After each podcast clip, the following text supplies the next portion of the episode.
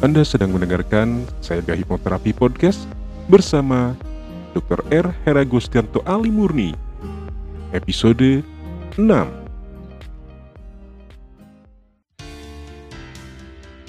Selamat datang di serial audio podcast bersama Sayaga Hipnoterapi. Institusi penyedia layanan hipnoterapi dan konseling profesional di Kota Bandung yang membantu penanganan berbagai masalah kesehatan, emosi, dan perilaku yang mengganggu kualitas hidup.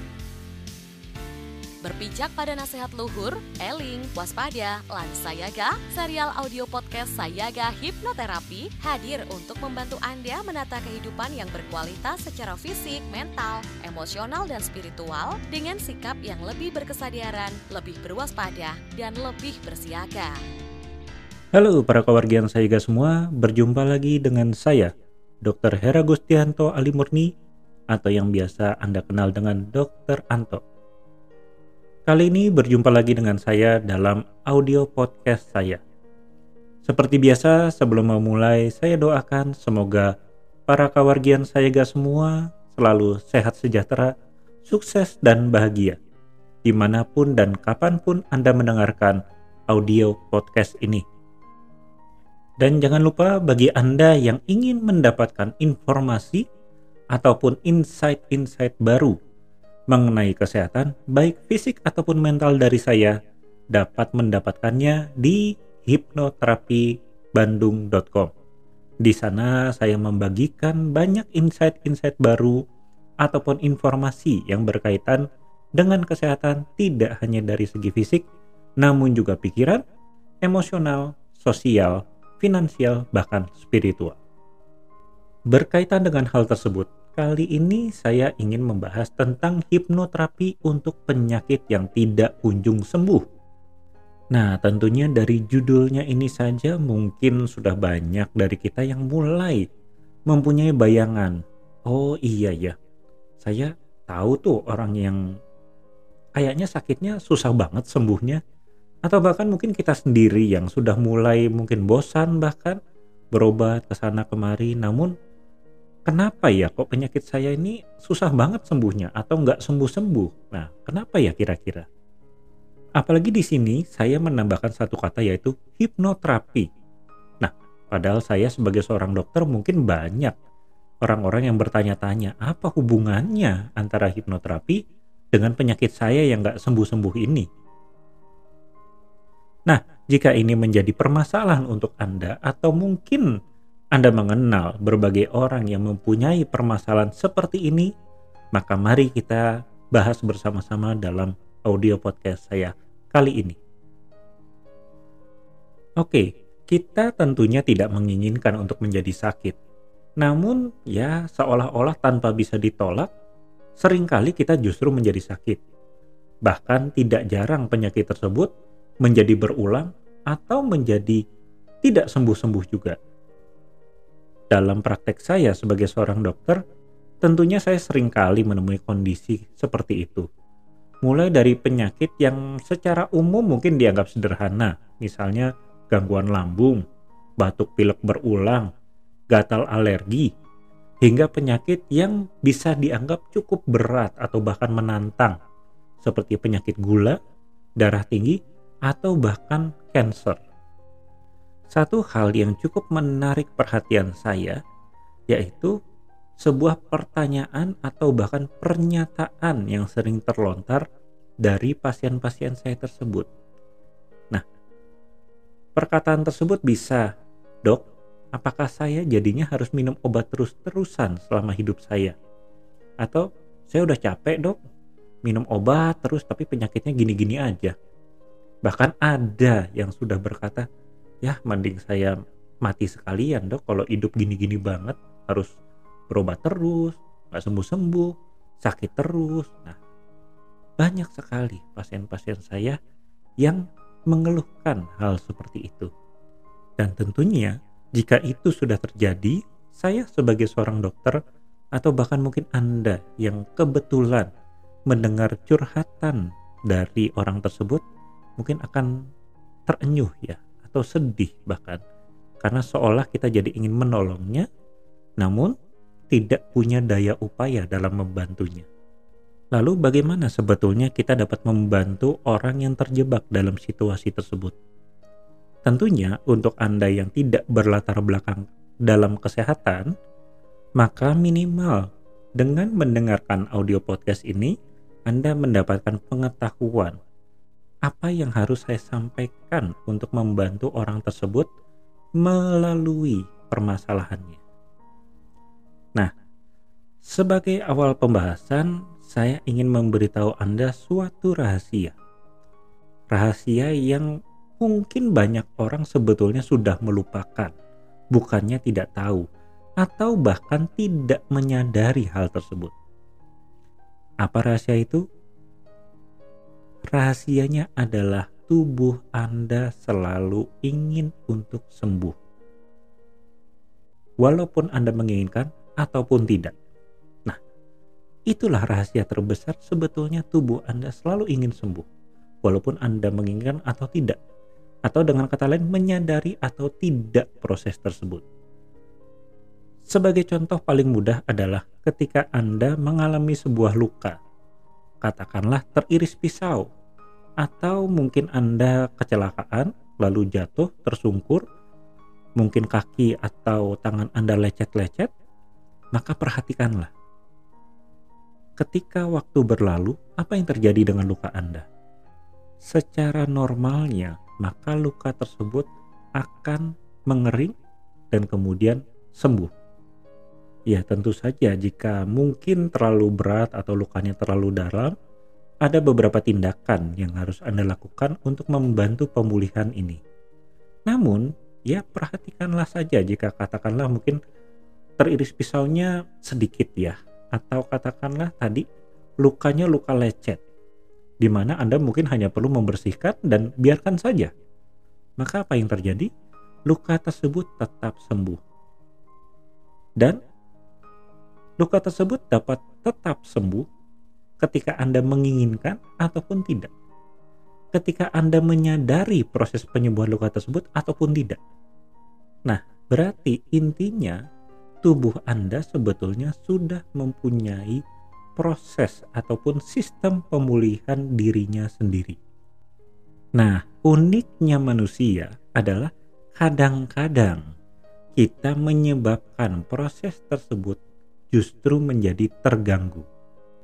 Nah, hal ini juga seharusnya terjadi pada saat tubuh Anda mengalami serangan penyakit, baik yang disebabkan oleh faktor eksternal seperti bakteri, virus, jamur, atau parasit, atau bisa juga dari faktor internal seperti misalnya pada penyakit sistem autoimun. Jadi bagaimana sebetulnya kita justru mengakibatkan sistem pemulihan tubuh kita terganggu?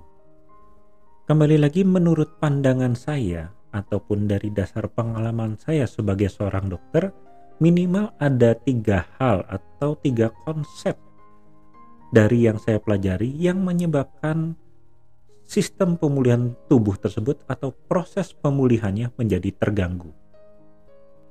Sehingga menyebabkan penyakit tersebut ya jadi tidak kunjung sembuh.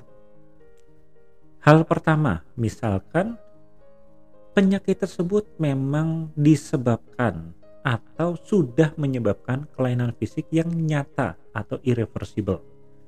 Dalam pengertian tidak dapat diperbaiki lagi. Contohnya begini, ada seseorang yang mempunyai penyakit gula sudah menahun. Kemudian bertanya-tanya, apakah penyakit saya ini bisa disembuhkan atau tidak? Maka sebagai seorang dokter yang menguasai fisik dan mental, saya akan minta dia untuk cek terlebih dahulu. Apakah penyakit tersebut memang mempunyai penyebab fisik atau sudah menyebabkan kelainan fisik yang tadi tidak dapat diperbaiki lagi. Misalkan saja ternyata memang dia mempunyai penyakit gula karena pankreasnya atau organ tubuh kita yang menghasilkan insulin yang mengatur gula darah memang sudah tidak bekerja atau tidak dapat menghasilkan insulin lagi. Otomatis maka kadar gula darahnya memang akan sangat tidak stabil mungkin selain dengan perubahan pola hidup, tentu dia membutuhkan obat atau biasanya kita berikan insulin untuk mengatasi gejala penyakitnya. Nah, hal kedua yang sering kali saya dapatkan ada pada pasien-pasien yang mempunyai penyakit yang tidak kunjung sembuh adalah ternyata banyak juga di antara mereka yang tidak mempunyai pengetahuan mengenai penyakit yang dideritanya. Contohnya saja banyak saya temui orang dengan penyakit gula, hipertensi. Ternyata ketika ditanya apakah Anda sudah tahu mengenai penyakit gula ini, makanan apa yang dilarang, kegiatan apa yang harus Anda lakukan setiap harinya, ternyata memang pasien ini belum tahu. Jadi biasanya tipe pasien seperti ini ya hanya berobat. Gimana dok? Sekarang gula saya, oh sekian. Oh ya udah, ini obatnya, udah begitu aja. Jadi ketika ditanya apa yang udah dilakukan dalam perubahan fisiknya atau pola hidupnya, tidak ada. Nah, tentu saja ini akan membuat penyakit yang dideritanya ya tidak kunjung sembuh. Nah, kemudian ada juga konsep yang ketiga yaitu dari pasien-pasien yang saya hadapi dan mempunyai penyakit-penyakit yang tidak kunjung sembuh adalah dia sudah tahu tentang oh ya saya harusnya olahraganya begini, pola makannya begini, istirahatnya begini. Namun ada saja hambatan yang dia hadapi untuk memenuhi pola hidup tersebut. Nah, jadi apa yang terjadi? Ya, kembali dia mengandalkan obat-obatan untuk istilah saya meredam penyakit yang dia miliki. Bukan menyembuhkan, tapi meredam penyakit yang dia miliki.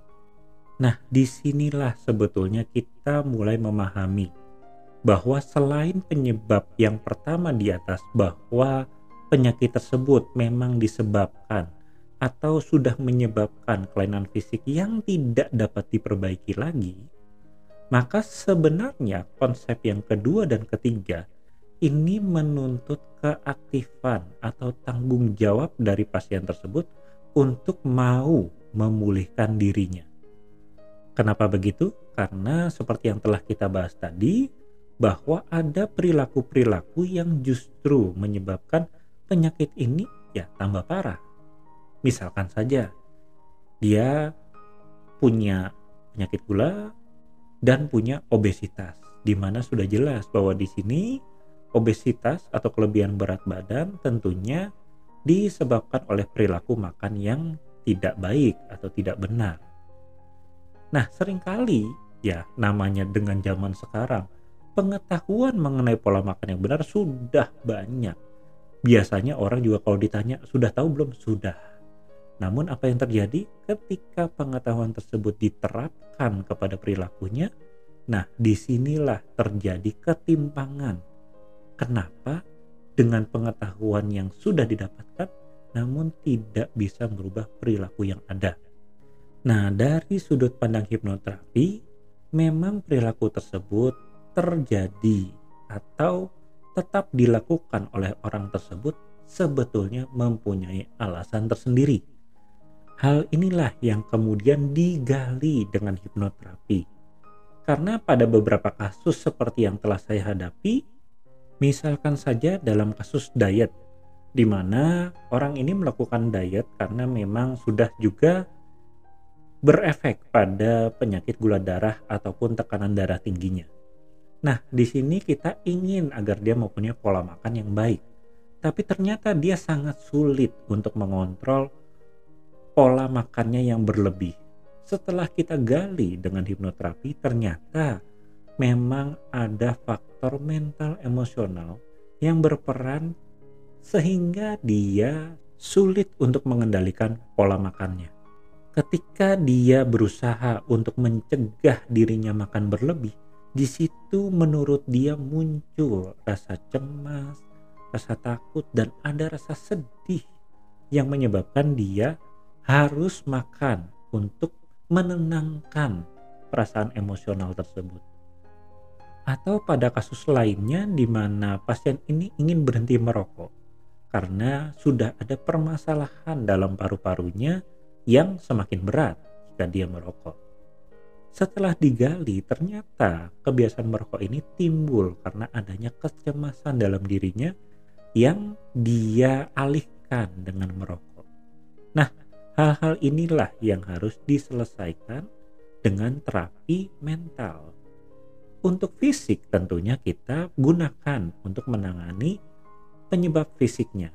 Namun, jika sudah bicara penyebab munculnya perilaku, nah ini kebanyakan berasal dari kebutuhan mental emosional yang dia penuhi dengan perilaku tersebut. Jadi, jika permasalahan mendasar ini dapat sembuh, maka otomatis perilakunya akan lebih mudah untuk berubah. Di sinilah maka kesembuhan untuk penyakit yang tidak kunjung sembuh ini bisa didapatkan. Kenapa? Karena tadi sistem pemulihan tubuh dapat berjalan sesuai dengan fungsinya yang benar. Demikianlah hipnoterapi dapat membantu untuk menyembuhkan penyakit yang tidak kunjung sembuh. Ada baiknya sekali lagi saya sebagai seorang dokter yang menguasai penyakit fisik dan mental, maka silahkan untuk mengetahui dulu kondisi fisik dari penyakit Anda. Ya misalkan saja tadi, Anda sudah punya penyakit gula, Anda mungkin punya darah tinggi, ya cari tahu dulu misalkan penyakit gula apakah insulin Anda masih bagus masih bekerja atau malah sudah tidak ada. Nah, tentu saja ini akan membutuhkan penanganan fisik juga. Atau jika Anda sudah mempunyai darah tinggi, maka pastikan kondisi pembuluh darah Anda, jantung Anda, dan lain-lain.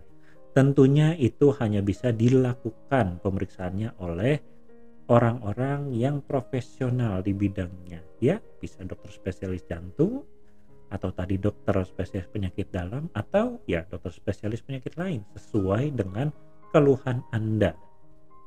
Nah, kemudian jika sudah melakukan hal tersebut dan didapatkan masih memungkinkan secara fisik, Anda tidak terlalu bergantung pada obat. Dalam artian dengan menguatkan pola hidup yang baik, penyakit Anda ini bisa sembuh. Maka saatnya Anda mencari pengetahuan mengenai bagaimana pola hidup yang baik untuk mengatasi penyakit Anda.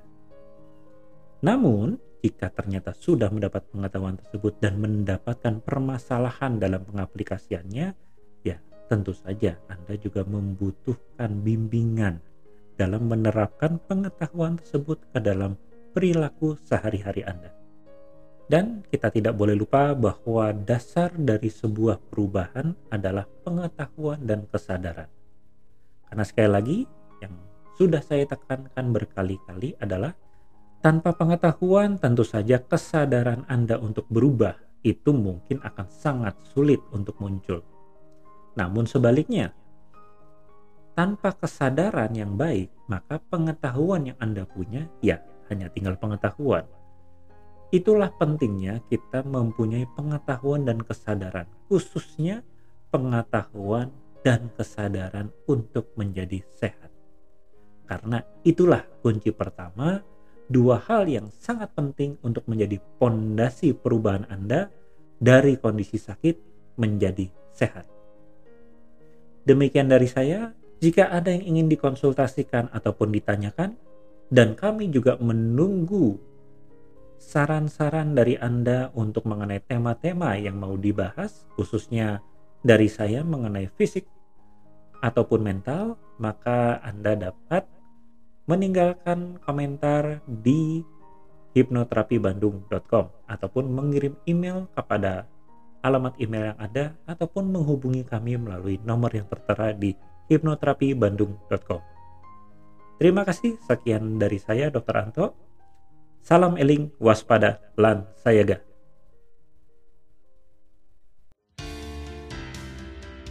Serial audio podcast Sayaga Hipnoterapi menghadirkan inspirasi kehidupan yang diintisarikan dari berbagai keilmuan psikologi dan pengembangan diri yang juga diadaptasi dari kisah nyata para individu yang menjalani program terapi dan konseling bersama tim profesional dari Sayaga Hipnoterapi.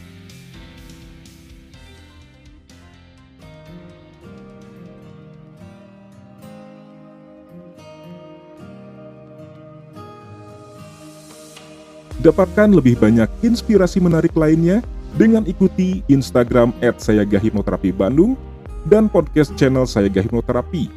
Kunjungi juga website www.hipnoterapibandung.com untuk temukan lebih banyak informasi menarik lainnya, termasuk untuk memesan layanan hipnoterapi dan konseling bersama para tim profesional dari Sayaga Hipnoterapi Bandung untuk membantu Anda menangani berbagai masalah kesehatan, emosi, dan perilaku yang mengganggu kualitas hidup.